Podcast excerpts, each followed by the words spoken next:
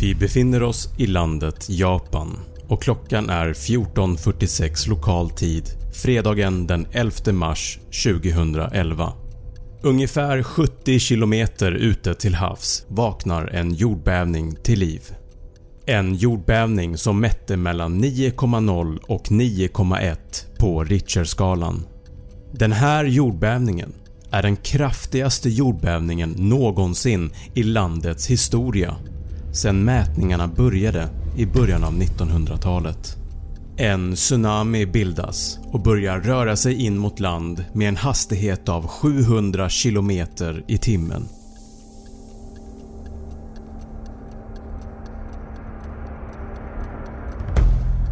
Ute vid kusten i staden Okuma låg kärnkraftverket Fukushima.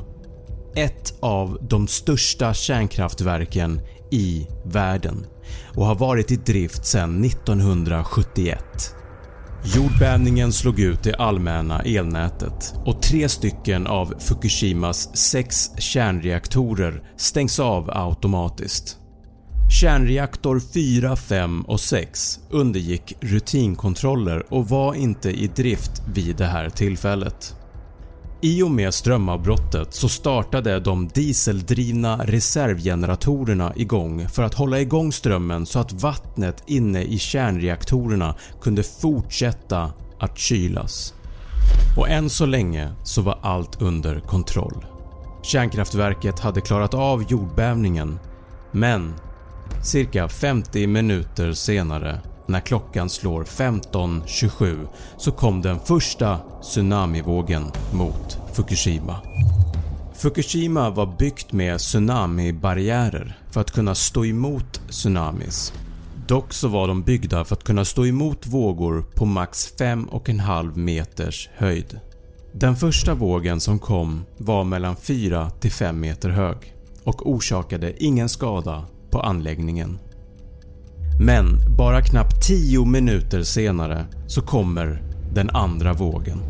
En 14 meter hög tsunami sveper över kärnkraftverket och all elektrisk utrustning på marknivå översvämmas. De dieseldrivna reservgeneratorerna slås ut, havsvattenpumparna översvämmas och vattnet letar sig in i källaren på byggnaden. Fem av de sex reaktorerna förlorar ström och utan strömmen så kan inte vattenpumparna ge ett jämnt flöde av kallt vatten för att kyla ner reaktorernas heta kärnor. Och utan regelbunden kylning så är en härdsmälta oundviklig. En härdsmälta bildas när det utvecklas mer värme än vad som kyls bort av kylsystemen och det skapas en oåterkallelig kollaps i ett stort system. När temperaturen stiger för mycket och för snabbt inne i en reaktor så försvinner det mer vatten än vad som hinner pumpas in. Vid 19.30 blir kärnan inuti reaktor 1 exponerat ovanför vattenytan och temperaturen stiger med en rasande fart.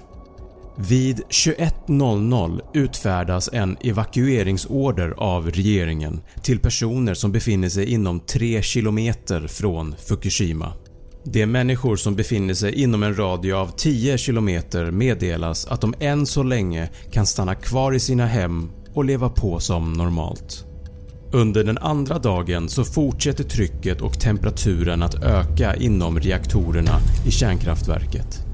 Man bestämmer sig för att lätta på trycket genom att släppa ut ånga genom reaktorerna.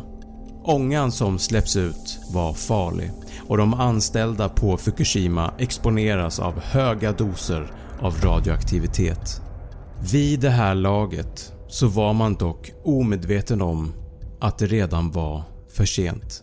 Reaktorns kärna hade redan smält och låg på botten inuti reaktorn och temperaturen steg snabbt över 1000 grader Celsius.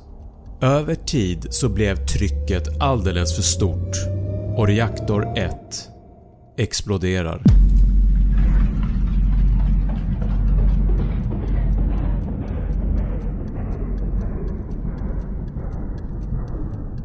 Evakueringszonen ökar till 20 km runt Fukushima. Under de kommande dagarna så fortsätter trycket att öka inom reaktor 2 och 3 och på måndagen den 14 mars exploderar även reaktor 3. Under den kommande veckan så försöker man att vattenbomba anläggningen för att kyla ner härdsmältan. Men överflygningarna får avbrytas då strålningsnivån var alldeles för hög. Den 21 mars rapporteras det om hög radioaktivitet i havsvattnet och under resterande 2011 så kunde man upptäcka radioaktivitet så långt bort som 32 mil från Fukushima i vissa matvaror som till exempel spenat, te, mjölk, fisk och kött. Ines är en 7-gradig skala för att gradera allvarligheten i olyckor vid kärnkraftsanläggningar. Fukushima-olyckan klassas som en 7 på den här skalan. Den största kärnkraftsolyckan sedan Tjernobylolyckan som skedde 1986 och som också klassades som en 7 Trots det här så var det ingen som dog direkt av själva olyckan. Ett flertal anställda på anläggningen skadades svårt och cirka 400 människor har dött i efterhand av den radioaktiva strålning som de utsattes för. Under evakueringsprocessen så dog det 2200 människor när de skulle fly från sina hem. Så det var egentligen inte i Fukushima som döden hade letat sig in i. Det var i städerna runt om. De städerna som drabbades av tsunamin. 16 000 människor dog av tsunamin. Över 6 000 skadades och över 2 500 personer är anmälda försvunna.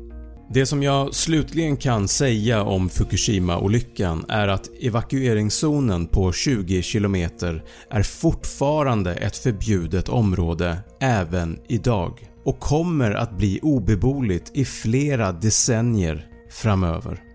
Arbetet pågår fortfarande med Fukushima att försöka städa upp så mycket radioaktivt avfall man kan men många år återstår. Saneringen beräknas ta upp till 60 år till och kommer att kosta minst 7000 miljarder kronor. Tack för att du har tittat.